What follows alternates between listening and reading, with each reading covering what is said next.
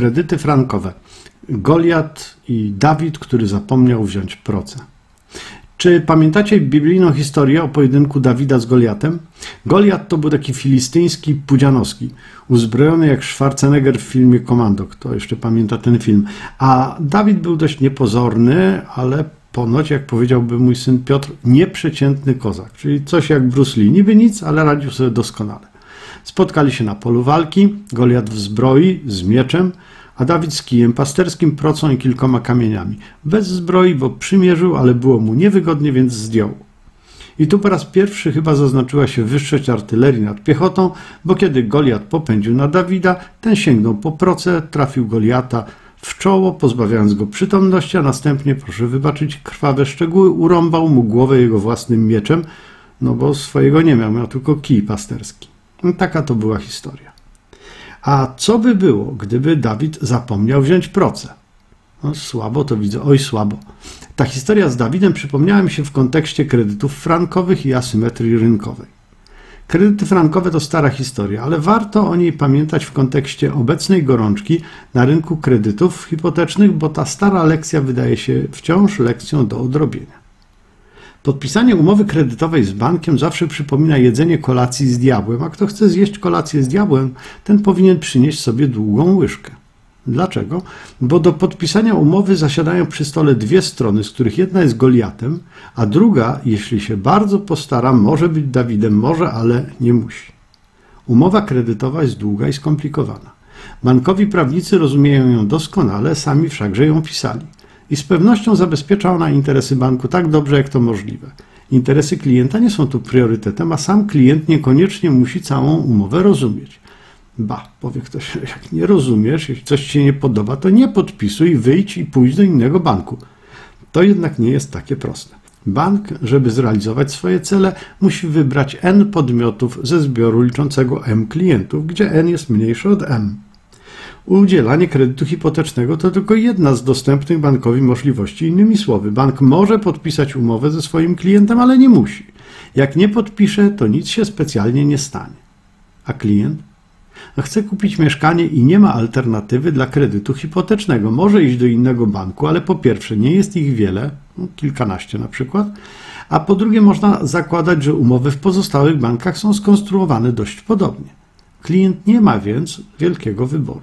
Oczywiście paragrafy umowy nie mogą być rażąco niekorzystne dla klienta, bo mamy UOKiK, który ma nad tym pieczę, ale przewaga banku nad klientem jest wyraźnie zaznaczona. W przeciwieństwie do banku, dla którego jest to któraś z kolei mało istotna umowa, dla klienta jest to finansowe wyzwanie i związek z bankiem na dużą część swojego życia. W przypadku kredytów frankowych, a także innych kredytów walutowych, bo to nie tylko kwestia franków, dochodzi jeszcze ryzyko kursowe. Do czego się ono sprowadza i jak się rozkłada? No jeśli dziś wezmę kredyt na mieszkanie i pożyczę równowartość 1 miliona złotych we frankach, to zadłużam się na 250 tysięcy franków. Dla uproszczenia 1 frank to niech będzie 4 złote. Ile będę musiał oddać bankowi? 250 tysięcy franków plus odsetki.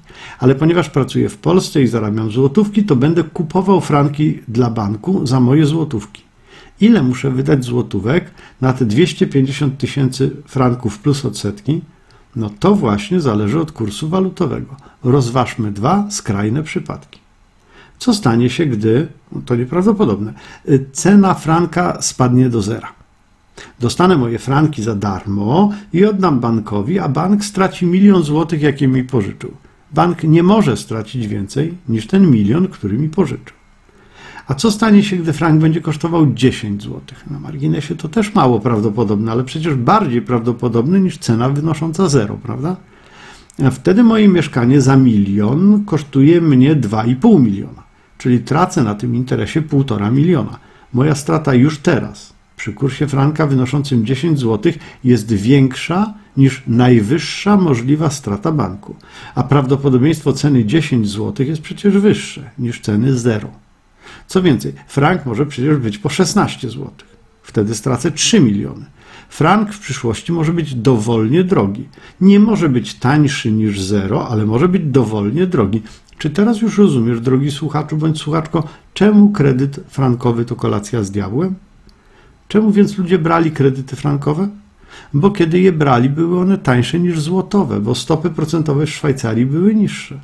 Bo kurs franka był niski i spadał, więc wielu klientów uwierzyło doradcom kredytowym, że nadal będzie taniał. Na marginesie to nie są żadni doradcy, to są sprzedawcy kredytów. Oni mają za zadanie je sprzedawać, a nie doradzać klientom. Sęk w tym, że kurs przestał spadać, zaczął rosnąć, a raty zaczęły rosnąć wraz z kursem. Dziś sytuacja jest nieco podobna. Stopy procentowe są praktycznie zerowe, dzięki temu raty kredytów hipotecznych są tak niskie, że tylko brać i ludzie biorą.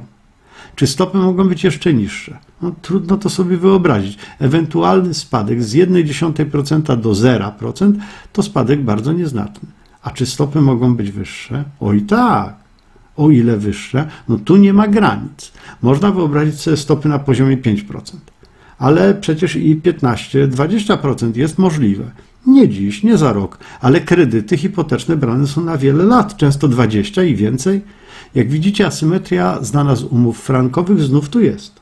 W czasach wielkiej popularności kredytów frankowych, co mądrzejsi ekonomiści ostrzegali, że nie skończy się to dobrze. Dziś te same głosy słychać znacznie ciszej, a szkoda, bo ten ran na kredyty raczej dobrze się nie skończy. Problemem niezmiennie pozostaje brak świadomości i elementarnej wiedzy ekonomicznej wśród kredytobiorców. Wiedza ekonomiczna w naszym, na wątpliwe pocieszenie dodam, że nie tylko w naszym, społeczeństwie jest bardzo uboga. Podstawy ekonomii powinny być nauczane w szkole podstawowej. Prosty mechanizm rynkowy można prezentować uczniom znającym pojęcie funkcji liniowej, a my uczymy tego naszych studentów. Fakt. Lepiej nauczyć ich na etapie studiów niż w ogóle, ale to dużo za późno. Gdyby szkoła podstawowa i średnia dawały podstawową wiedzę ekonomiczną, na studiach można byłoby prezentować różne podejścia, różne szkoły, różne poglądy, umożliwiając studentom poznanie ekonomii jako nauki złożonej, skomplikowanej i nie dającej prostych recept. Pan Mikołaj, ten od płatnych studiów, znów mnie ostatnio podpuszcza, pytając, co bym zrobił, gdybym zajął miejsce Czarnka ministra edukacji i nauki. Nauka podstaw ekonomii w szkołach podstawowych i średnich. To na pewno bym zrobił. A wy, drodzy słuchacze i słuchaczki, co byście zrobili, gdybyście byli ministrem Czarnkiem? Napiszcie w komentarzach, ciekaw jestem Waszych opinii, co należałoby zrobić, co trzeba zmienić. Jeśli dzisiejszy odcinek był fajny, zostawcie kciuk w górę, a może nawet subskrypcję. Do usłyszenia.